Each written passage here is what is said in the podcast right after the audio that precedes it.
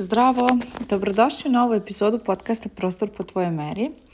Ovo je nekako prvi put da snimam epizodu koja je neplanski naletala, to je temu koja je neplanski naletala, zato što se trenutno nalazim u jednoj situaciji u kojoj sam sigurna da se nalazi većina vas i željela sam da snimim epizodu o tome i da vam kažem da niste sami i da vidimo kako će, to jest da predložim kako ćete to da rešite jer sam ja već na putu da to rešim.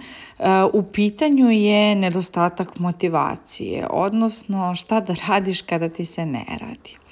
Zašto o ovome pričam? Pa pričam zato što evo proteklih nekoliko dana e, malo me je uhvatila e, život, znači jednostavno život se desio, to se dešava svima vama, znam, jer sam i ja i žena i majka i sestra i, i osoba pre svega i jednostavno postoje te neki momenti kada naleti život, a mi nismo bili spremni za to. Pa evo da ispričam šta se to meni događalo. Prošle nedelje je bilo baš previše posla da se radi svo troje dece je dobilo temperaturu, nisu išli u vrtić i čim oni ne idu u vrtić, moji svi planovi su otkazani. Ja sam bila jednostavno preumorna, preplavljena svakakvim emocijama, onda je tu jednostavno došao i taj pritisak od toga kako ne stižem, svašta nešto ne stižem, ne stižem da isporučim projekte, ne stižem da uh, kreiram sadržaj, ne stižem da se posvetim sebi, ne stižem da budem sa decom i jednostavno nekako me je sve to sastavilo i onda sam se setila danas da sjetila sam se moje e, mentorke koja uvek e, kaže da ne postoje na primjer greške, pravi put, pogrešan put i tako nešto, nego da uvek od e, svih situacija koje nam se dešavaju u životu pravimo protokole. I da sve to gledamo bukvalno kao nešto što nam život bukvalno servira u tom trenutku da verovatno meni stiže nešto bolje i svašta nešto. Mislim, neću se sad baviti tom psihološkom stranom, ali u tom trenucima kada smo preplavljeni treba da gledamo kako prvo sebi da pomognemo, pa onda svima ostavimo. Ono što sam ja uradila jeste da sam zakazala e, seansu za psihoterapiju, seansu sa svojim koučem, e, zakazala sam e, masažu, toliko sam mogla da, da sebi uradim, znači to su bukvalno tri sata u nedelji koje sam odvojila za sebe i ono što je meni tada pomoglo jeste da mi se glava razbistrila. najviše me je mučilo pitanje kako. zašto me to muči pitanje? Iz razloga zato što ne radim samo kao arhitekta na mrežama i više se ne predstavljam samo kao arhitekta, nego se i predstavljam kao neko ko će pomoći drugim arhitektama da svoje, da kažem, svoj posao, svoj online biznis predstave na društvenim mrežama i da krenu da rade online.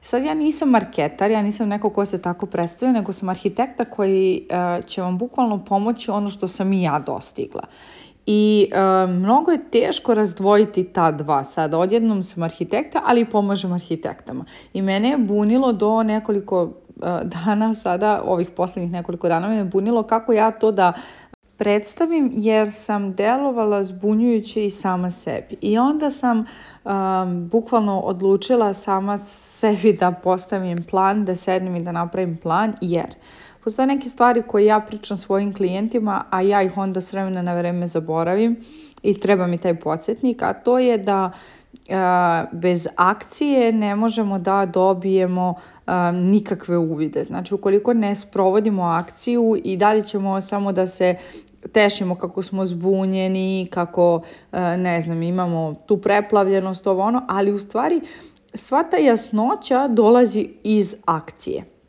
I šta sam ja onda uradila? Ok, nemam motivaciju, ne znam šta da objavljujem, ne znam kako da vam kažem. Znači, meni je trebao neko da mi kaže kako. A to kako ne može neko drugi da mi kaže, nego to kako mogu sama ja sebi da objasnim. Pa sam rekla, ok, ajde sad ću sesti i pričat ću o nekim temama koje eh, znam Znači, uradit ću ono što znam, pa sam onda prečešljala svoj notes, pa sam vidjela šta se piše u notesu, koje sve teme imam. Pa sam onda se okrenula na drugu stranu, pa sam vidjela, ajde vidim šta mi kažu e, moji klijenti koji su upravo završili e, moju program, znači oni koji su upisali 15. februara su sada završili, imali smo par pomeranja, dva termina smo pomerili, i da vidimo šta mi oni kažu za feedback. Aha, vidim, ovo im nije jasno, ovo možda malo manje treba pričamo o ovome, malo više o ovome. I uvek tako postoje neke teme koje sam sada razradila i koje su mi, e, da kažem, donile jasnoću. Jer tek kad sam sela i kad sam napisala i kad sam uradila neki deo posla, tek tad je došla jasnoća. Znači, jasnoća nije došla od toga da mi neki, neko psiholog, coach ili bilo ko kaže šta ja treba sada radim, e, nego jasnoća došla iz onog trenutka kad sam ja sela da radim i kad sam videla e, koji je moj deo posla i šta u stvari ja sve treba da uradim. Ovo je tema koju sam odlučila da pričam ovako uživo iz razloga, to je uživo u trenutku kad mi se dešava, iz razloga što znam da dosta vas, e, jedna moja klijentkinja Zorana, na primjer, je često imala problem da krene sa tom akcijom i onda kada se e, učaurimo u toj nekoj e, ulozi da ne znamo, teško nam je, ne možemo, ne može niko s polja da nam pomogne. Znači mi smo ti koji moraju sami sebi da daju podstreh u leđa i da veruju najviše čak i onda kada niko ne veruje.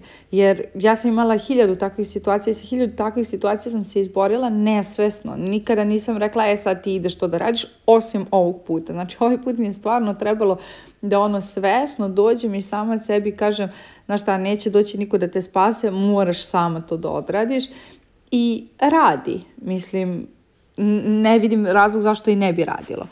Uglavnom, poruka koju želim svima vama da pošaljem koji slušate ovaj moj podcast, koji mi pošaljete neku poruku podrške, koji mi kažete bilo šta, bilo kakav feedback, jeste da čak i kada se nađete uh, u, na primjer, nekoj bezizlaznoj situaciji kada ne znate kako dalje, koji je sljedeći korak, uvijek treba da se vratite na ono što znate. Jer to nije korak unazad, već je zapravo to korak unaprijed. Eto, to je to što se tiče ove epizode, a mi se slušamo naredno